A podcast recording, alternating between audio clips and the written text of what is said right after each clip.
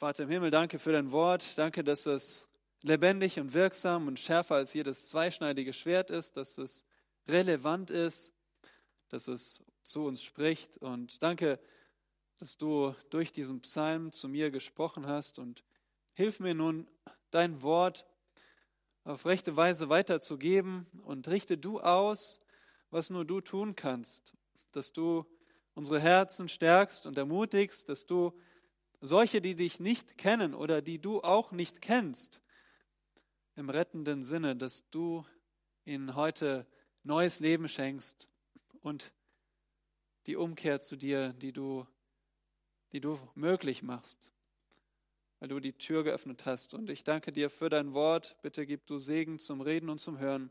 Amen. SARS-CoV-2, auch Covid-19 genannt oder einfach Coronavirus.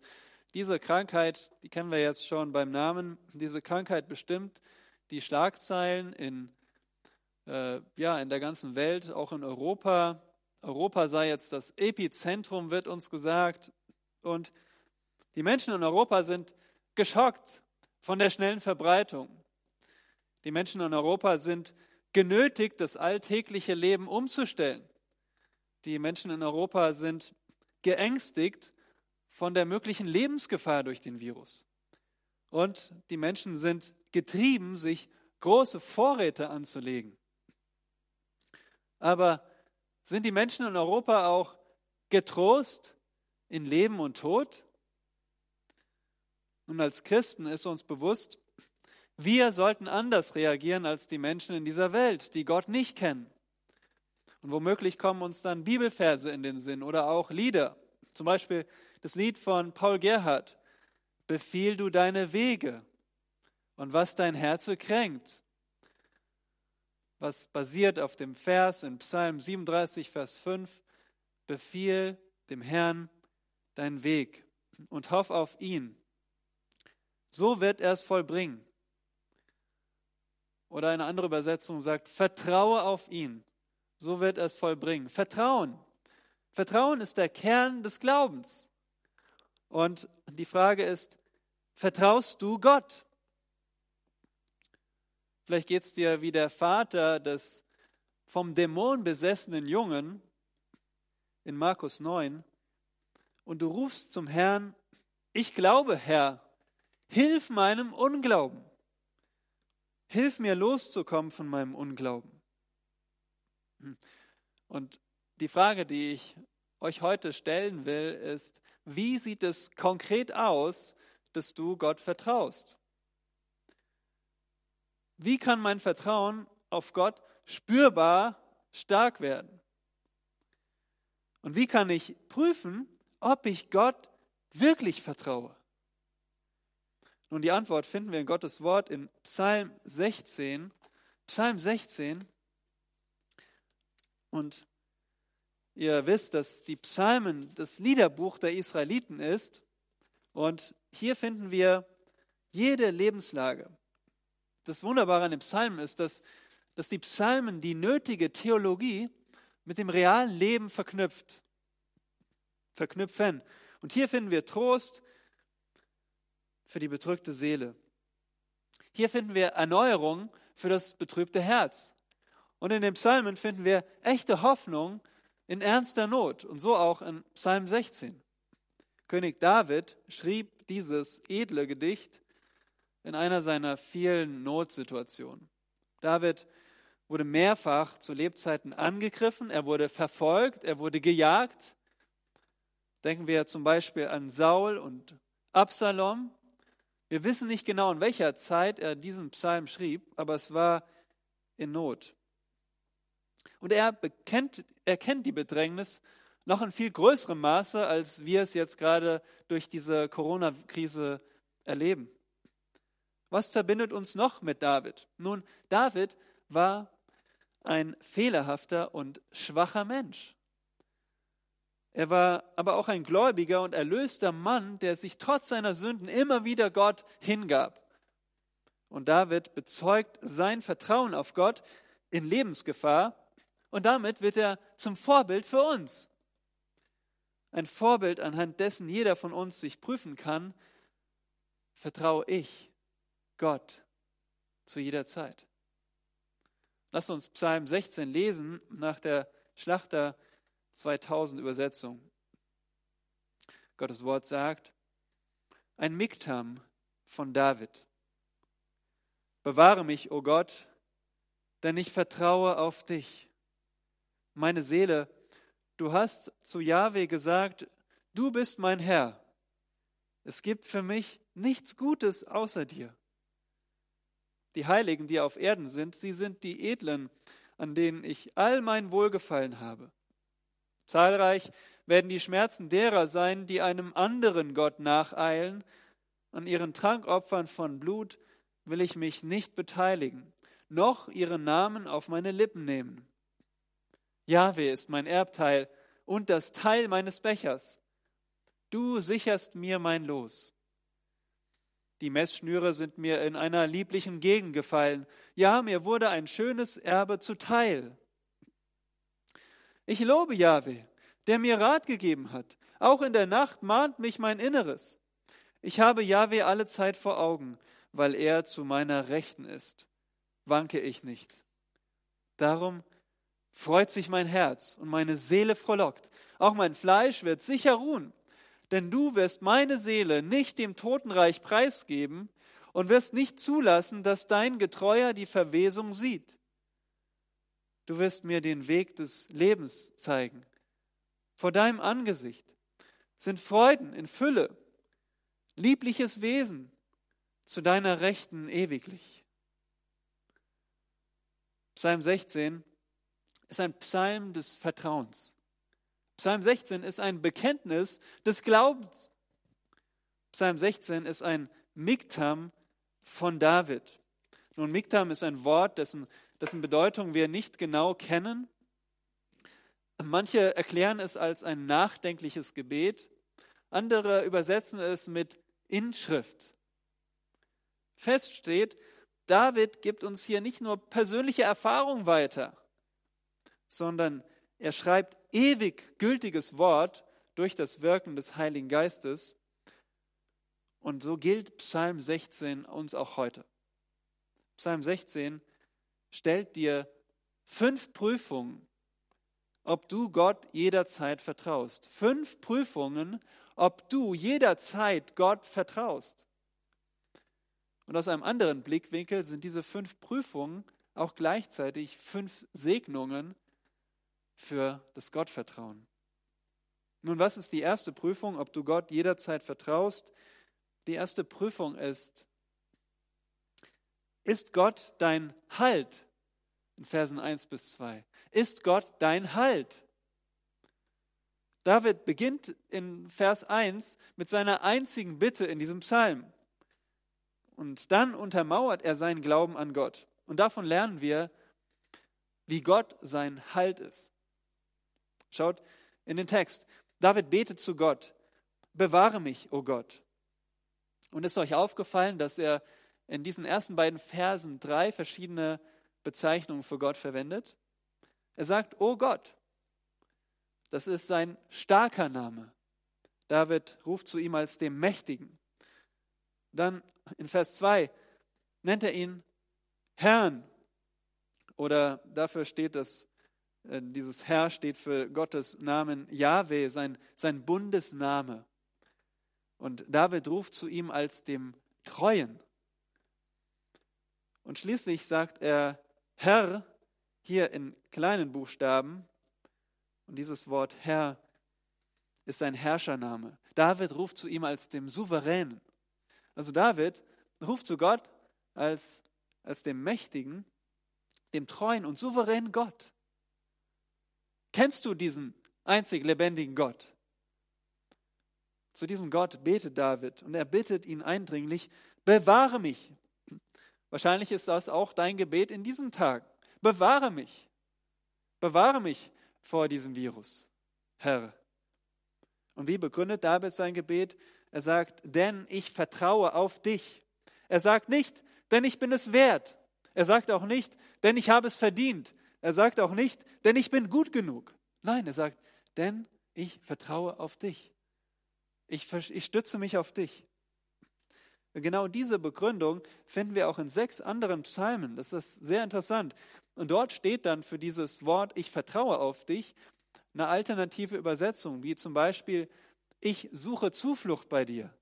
Oder dasselbe Wort, auch übersetzt mit, ich habe Zuflucht gefunden in dir. Also dieses Vertrauen auf Gott ist gleichzeitig ein Zuflucht suchen und ein Zuflucht finden in Gott, weil Gott diese Zuflucht ist. Deswegen übersetzt auch die Elberfelder, denn ich berge mich bei dir.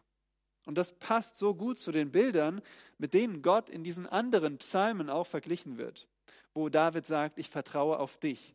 Dort finden wir Gott verglichen mit einem Fels, mit einem Schild, Gott verglichen mit einer Burg, einem Retter oder einem Vogel, unter dessen Flügeln sich David und andere Gläubige bergen dürfen. Anders gesagt, wer auf Gott vertraut, der stützt sich auf nichts und niemand anderes. Gott ist sein Halt. Und das sehen wir auch in Vers 2. Meine Seele, du hast zu Jahwe gesagt, du bist mein Herr. David sagt, seine Seele hat das gesagt. Also David spricht hier ohne zu zögern. Seine Worte drücken sein Herz aus, das, was in seinem Herzen entschlossen ist. Entschlossen sagt er, du bist mein Gebieter. Weiterhin sagt er, es gibt für mich nichts Gutes außer dir. In anderen Worten, es gibt nichts Gutes außerhalb von dir. Es gibt nichts über Gutes über Gott hinaus. Bin ich mit Gott versorgt, so reicht es aus. Denn Gott hat keine Grenzen. Und darum beschäftige dich mit Gottes Güte. Und blicke auf Gottes Treue und Güte anhand der Bibel. Und deine Ängste, die werden fliehen. Vertraust du Gott, so ist er dein sicherer Halt. Was ist die zweite Prüfung, ob du Gott jederzeit vertraust? Die lautet, ist Gott deine Wahl? In Versen 3 bis 4. Ist Gott deine Wahl? Nur hier denkt David an andere Menschen in diesem Psalm. Er unterscheidet Gläubige und Götzendiener. Und davon lernen wir, wie Gott seine Wahl ist. So gut, dass David nicht der Einzige war, der an, der an Jahwe festhielt. Da gab es noch andere. Und er denkt an diese gleichgesinnten Gefährten und er nennt sie in Vers 3 die Heiligen. Nun, wer sind diese Heiligen? Ich habe in Psalm 34 dasselbe Wort gefunden, wo David auch einen Psalm geschrieben hat in einer Notsituation und er schreibt in Vers 10, Fürchtet Jahwe, ihr seine Heiligen, denn die ihn fürchten, haben keinen Mangel. Was lernen wir über diese Heiligen? Nun, es sind Menschen, die auf Jahwe vertrauen und die ihn fürchten. Heilige, Menschen, die so genannt werden, die sind nicht sündlos. Aber sie fürchten Jahwe. Und was bedeutet das, Jahwe zu fürchten? Nun, im Psalm 19 ist ein wunderbarer Psalm auch über Gottes Wort. Da gibt es verschiedene Bezeichnungen für das Wort Gottes. Und im Psalm 19 nennt David das Wort Gottes die Furcht des Herrn. Warum? Weil Gottes Wort diese Furcht, diese Ehrfurcht produziert. Also, wenn du lernen willst, wie, wie du Gott fürchtest, dann musst du Gottes Wort gehorchen seinen Geboten folgen. Und David nennt diese Heiligen auch noch die Edlen in Vers 3 im Psalm 16. Die Edlen, also vornehme, mächtige und hochrangige Leute. Sind es tatsächlich so prominente Israeliten gewesen, die er hier meint? Nun, wir wissen es nicht genau.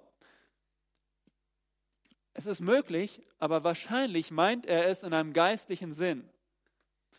Diese Heiligen also diese gläubigen Leute, die, die Gott fürchten, an die er jetzt denkt, die waren in seinem Sinne die edelsten Menschen, die prominentesten Menschen, auch wenn sie eine niedrige Stellung hatten. Sie waren kostbar für ihn und Sie waren auch kostbar und prominent und edel in Gottes Augen. So denkt Gott heute auch noch über seine Kinder, die ihn fürchten, die nicht sündlos sind, aber die Vergebung haben durch seine Gnade. Und diese Heiligen, die waren für David eine wunderbare Gemeinschaft. Nun, im krassen Gegensatz dazu stehen die Götzendiener in Vers 4. Sie verehren tote Götzen, wie damals den Baal oder Astarte oder den Chemosh oder den Moloch. So hießen damals die Götzen. Und man rief zu ihnen, man brachte ihnen Blut dar als Opfer oder Nahrung. Und David sagt, ich wollte nichts damit zu tun haben. Ich will nichts mit diesen Götzenopfern zu tun haben. Er nahm Gottes Gebot aus 2. Mose 23, Vers 13 ernst, indem er nicht mal den Namen der Götzen in den Mund nehmen wollte. Er wollte diesen Götzen keine Würde ausdrücken. Und David war auch weise genug, das Gericht Gottes über Götzendienst zu fürchten. Ihr seht es hier in Vers 4 am Anfang. Zahlreich werden die Schmerzen derer sein, die einem anderen Gott nacheilen. Er warnt sie hier nicht vor vor, einem, vor einer Krankheit, vor, einer, vor einem äußerlichen äh, Schmerzen, sondern er warnt sie vor, vor dem Kummer, vor den Sorgen, vor dem Leiden, auch vor den Schmerzen, die die haben werden, die einem falschen Gott nacheilen und ihn verehren. Und er weist darauf hin, auf das Gericht Gottes, das kommen wird. Ja, die Götzendiener mögen jetzt noch in Ruhe leben, aber Gottes Gerechtigkeit bringt das Gericht über Götzendienst, weil er keinen anderen Gott neben sich dulden lassen kann. Nun, was ist mit heutigen Götzen? In unserem Land sind jetzt einige Götzen den Menschen weggenommen. Das ist zum Beispiel Fußball, Fußball-Bundesliga oder Urlaub machen, Shopping in großem Maße oder auch Partys sind den Menschen erstmal genommen. Aber vergessen wir eins nicht, die Götzen im Herzen, die nehmen wir alle mit. Zum Beispiel, wenn wir sagen, ich muss unbedingt das haben, ich muss unbedingt Gesundheit behalten. Und du schottest dich ängstlich ab. Oder ich muss unbedingt Kontrolle behalten, was in dieser Welt läuft. Und du, du hast ständig nur Nachrichten am Laufen und füllst deine Gedanken mit den Nachrichten der Welt. Oder ich muss unbedingt unabhängig sein und die Leute kaufen wild ein. Und wir sehen Bilder von, von leeren Regalen, weil die Leute äh, in großen Maßen einkaufen und bei sich horten, an sich selbst denken. Nun, wir alle können dazu neigen, wir alle neigen zum Götzendienst in unseren Herzen. Noch heute müssen wir entscheiden, welchem Herrn wir dienen und zu welchen Menschen wir uns halten. Für David war das eine Wahl und er traf die Wahl, ich halte mich zu Gott und zu seinen Kindern und ich halte mich fern von den Götzendienern. Vertraust du Gott, so ist er deine feste Wahl. Und was ist die dritte Prüfung, ob du Gott jederzeit vertraust? Das finden wir in Versen 5 und 6. Ist Gott dein Erbe? Ist Gott dein Erbe? Nun, in Zeiten der Not schätzt David seinen Besitz. Und da fällt ihm nur eins ein. Nur einer fällt ihm ein, den er wirklich hat. Und das ist Gott. Und so lernen wir, wie Gott sein Erbe ist.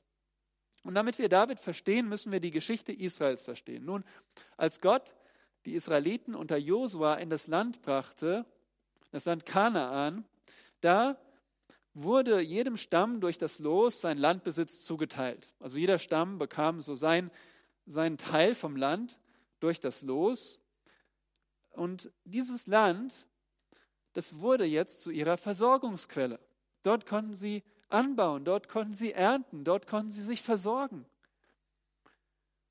Nur ein Stamm, der war ausgenommen, das war Levi. Und den Leviten sagt Gott, ich bin dein Erbteil. Ich, Gott, bin dein Erbe. Und dasselbe bezeugt David hier. Ja, wer ist mein Besitzanteil? Er ist das Teil meines Bechers. Das bedeutet, entweder Gott ist ihm wie ein erfrischendes Getränk oder Gott bestimmt Davids Schicksal wenn wir an den Kelch denken. Der Kelch als, als die Bestimmung, das Schicksal. Das alles ist für David in Gott zusammengefasst. Und er sagt weiterhin hier in Vers 5, du sicherst mein Los. Und hier es findet sich ein wunderbares Wort im Hebräischen. Dort steht wörtlich, du hältst mein Los fest, wie mit einer Hand. Gott, Gottes Handgriff umfasst dieses Los. Er hält es sicher und ununterbrochen. Nun achtet auf Vers 6.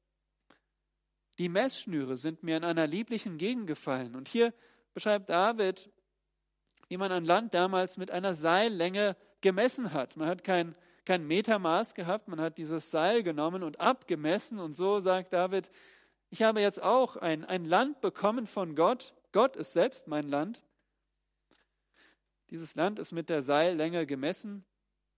Und interessant, dass dieses Land der Israeliten, das durfte nicht ausgetauscht oder weggegeben werden. Das war unwiderruflich ihr Land. Und von welchem Land spricht jetzt David hier? Nun, er schaut auf kein tatsächliches Land, er blickt auf Gott. Jahwe ist sein Erbteil. Gott hat sich David selbst geschenkt. Und damit ist David völlig zufrieden. Er sagt, das ist liebliche Gegend. In anderen Worten, das, das gefällt mir. Das macht mich zufrieden. Das stellt mich zufrieden. Und doch kommt Gott auch nicht allein. Denken wir einmal an die, an die unermesslichen Segnungen, die mit Gott kommen. Epheser 1 lesen wir davon, dass wir gesegnet sind als Christen mit jedem geistlichen Segen in der Himmelswelt. Erwählung, Erlösung, Vergebung, Versiegelung, Verwandlung und Verherrlichung. Um nur eine Segnung, einige Segnungen aufzuzählen, das alles kommt mit Gott. Das alles schenkt er seinen Kindern. Und sind wir geduldig, so schenkt uns Gott in der Zukunft auch ein anfassbares Erbe auf der neuen Erde. Also nicht nur geistliche Segnung, auch materielle Segnung, die der Herr uns schenkt. Hoffst du darauf? Kannst du in diesen Zeiten mit Überzeugung sagen, Gott ist mein Einkommen? Kannst du sagen, Gott ist mein Vorrat? Gott ist meine Familie. Gott ist meine Versicherung.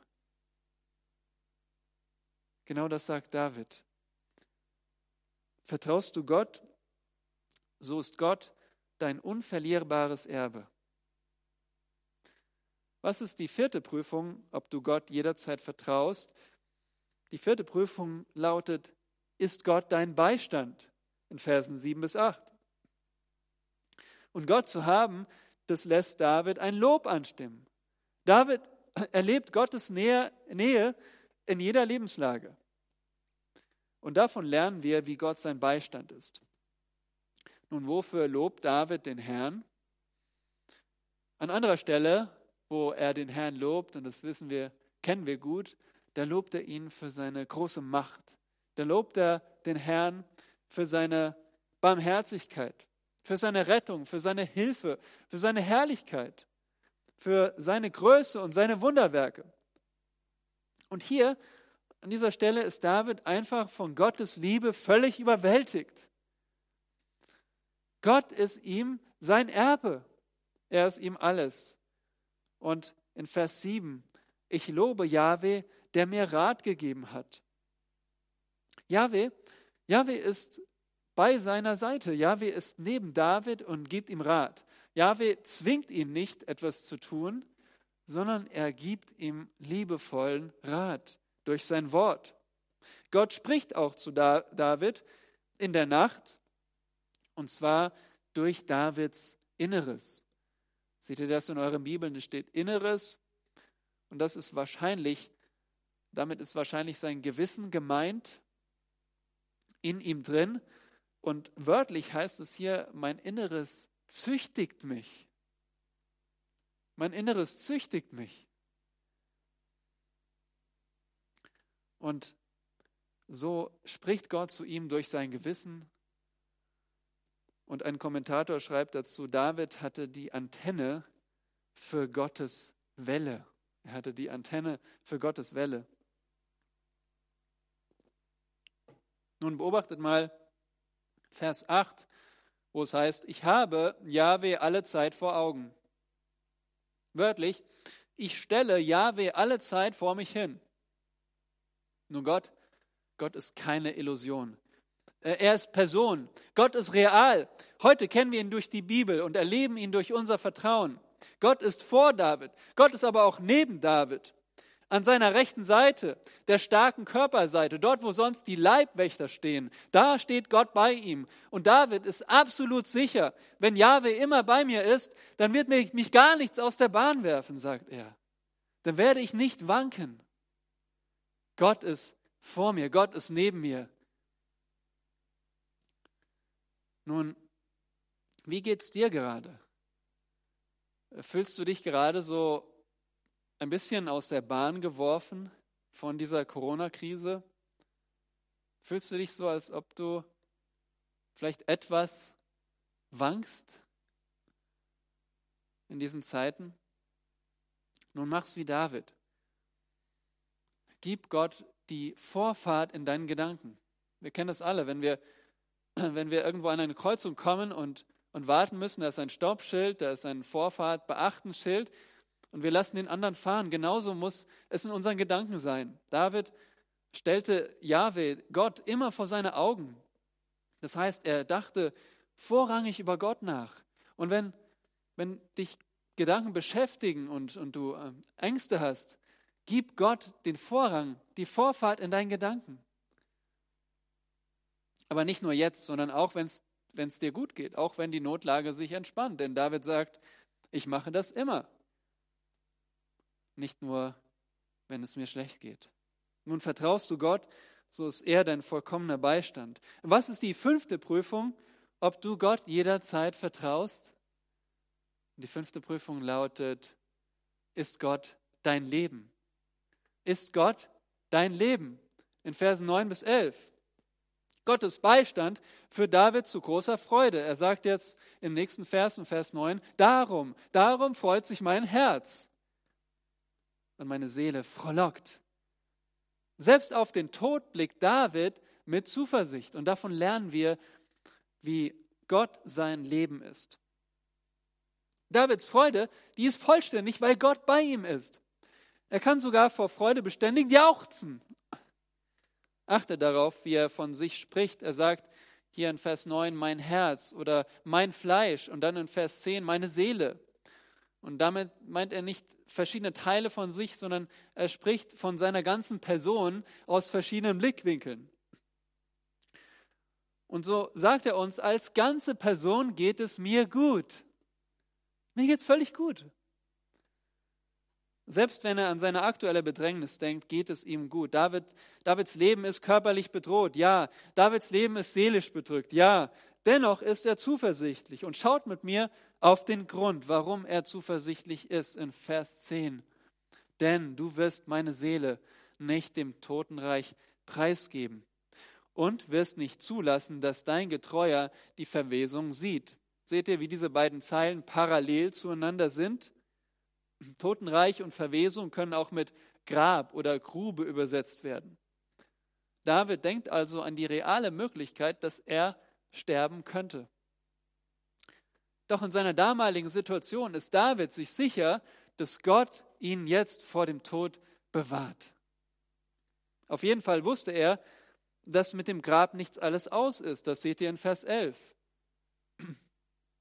Du wirst mir den Weg des Lebens zeigen, sagt er. Und wo ist dieses Leben zu finden? Vor deinem Angesicht, vor Gottes Angesicht. Hier geht es also um wahres Leben. Leben ist nur vor Gottes Angesicht. Leben ist nur bei ihm. Leben ist nur bei Gott. Leben ist Gemeinschaft mit Gott. Einfache Definition von Leben. Leben ist Gemeinschaft mit Gott.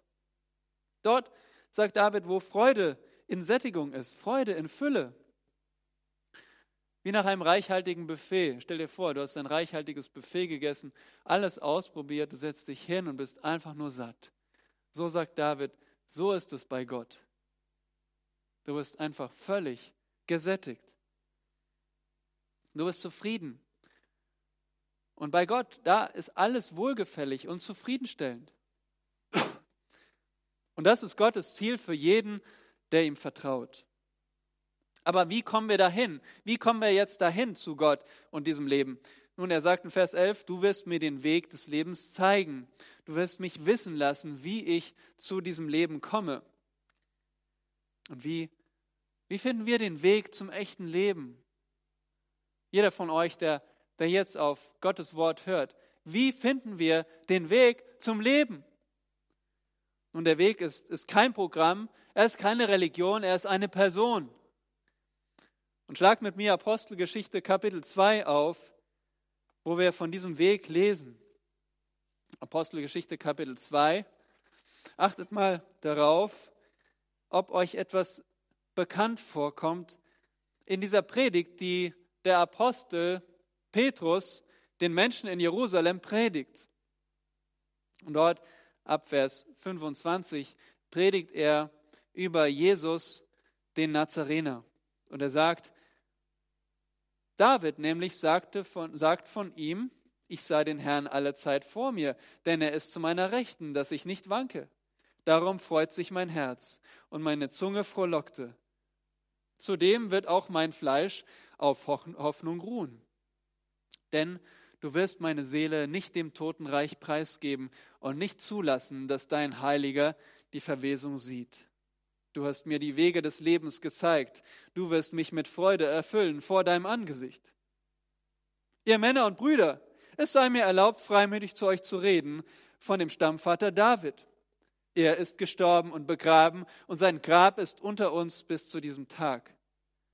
Da er nun ein Prophet war und wusste, dass Gott ihm ein, mit einem Eid verheißen hatte, dass er aus der Frucht seiner Lenden, dem Fleisch nach, den Christus erwecken werde, damit er auf seinem Thron sitzt, hat er vorausschauend von der Auferstehung des Christus geredet, dass seine Seele nicht dem Totenreich preisgegeben worden ist und auch sein Fleisch die Verwesung nicht gesehen hat. Diesen Jesus hat Gott auferweckt. Dafür sind wir alle Zeugen. Und David, David war ein Prophet. David hat im Psalm 16 prophezeit. Ja, David erlebte die Bewahrung vor seinem eigenen Tod und später starb er. Aber David prophezeite von der Auferstehung aus den Toten, und zwar die Auferstehung des Herrn Jesus Christus. Der Herr Jesus Christus ist der Sohn Gottes. Er ist eine Person des dreieinigen Gottes. Und diese Person, der Sohn Gottes, ist Mensch geworden.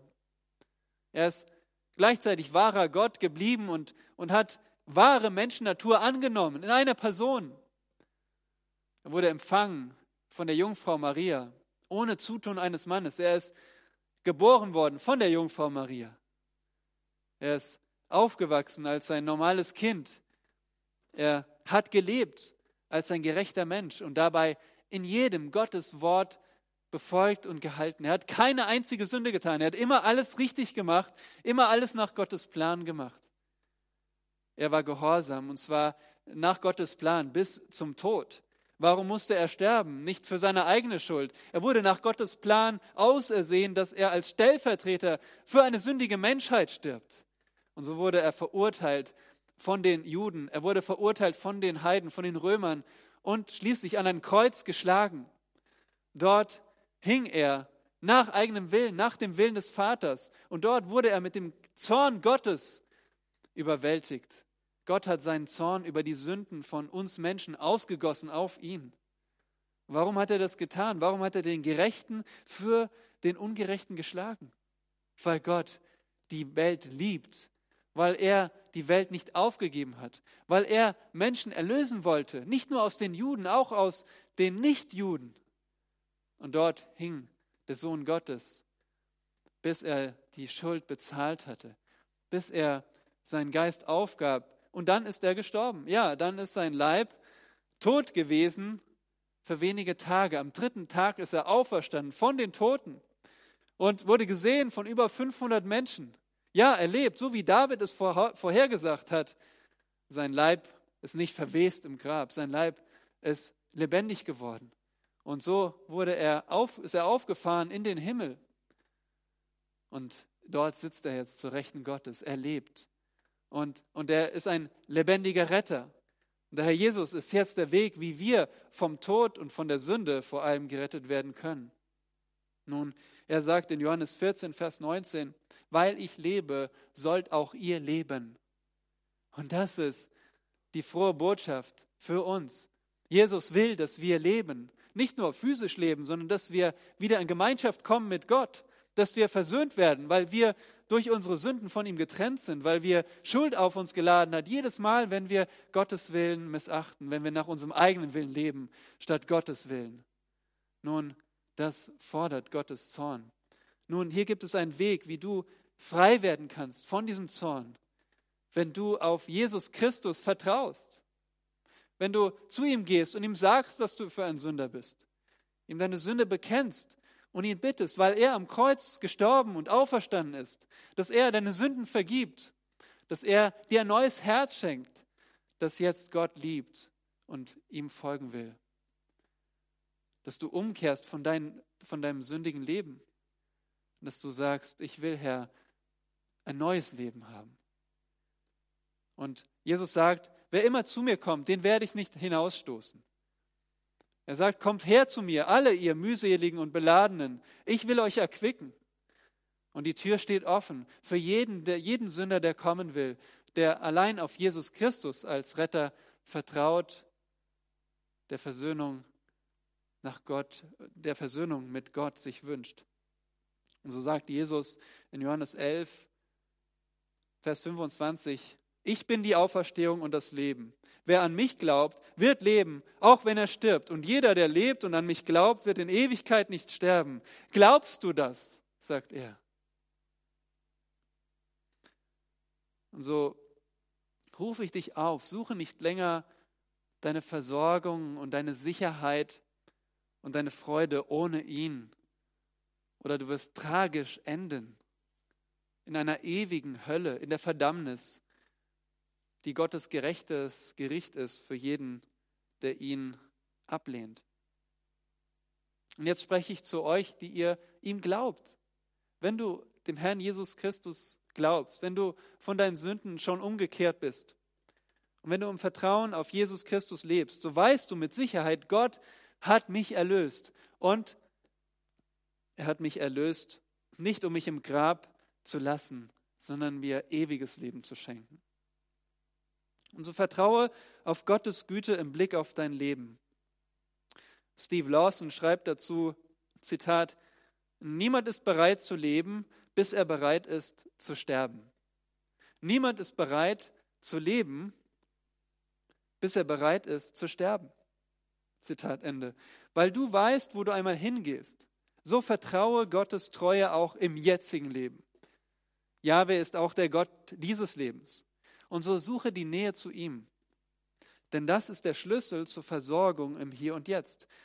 Wenn wir auch kein Versprechen haben, wie lange wir leben werden oder wie gut versorgt wir sind oder ob wir Coronavirus bekommen oder nicht, aber so wissen wir auf jeden Fall, euer himmlischer Vater weiß, dass ihr das alles benötigt, dass wir Versorgung benötigen. Und so rufe ich euch auf mit Jesu Worten aus Matthäus 6, Vers 33. Trachtet vielmehr zuerst nach dem Reich Gottes und nach seiner Gerechtigkeit, so wird euch dies alles hinzugefügt werden. Amen. Vater im Himmel, danke für dein Wort, danke für die Wahrheit, dass du uns die, das Licht anmachst in dieser dunklen Welt, dass wir verstehen, du bist immer noch in Kontrolle. Du bist geduldig. Du rufst Menschen weiterhin auf, auf deinen Sohn zu vertrauen, damit sie mit dir versöhnt werden, damit sie ewiges Leben empfangen, so wie der Herr Jesus lebt, der größere David, der nicht im Grab geblieben ist. Und so beten wir, dass wer immer dein Wort hört, dass du es mit Glauben verbindest, sodass wer immer dein Wort hört, nicht verloren geht, sondern gerne zu dir umkehrt und du ihm vergibst. So bete ich, dass du auch solche, die krank sind unter uns, dass du sie gesund machst, aber vor allem, dass du sie in der Krankheit, dass du ihnen sie ermutigst, auf dich zu blicken, denn du bist ein guter Gott, du bist ein treuer Gott und so bleibst du für immer. Herr, hilf uns, unser Vertrauen auf dich zu prüfen und dass wir dir vertrauen von Herzen, wie David es getan hat. In Jesu Namen, Amen.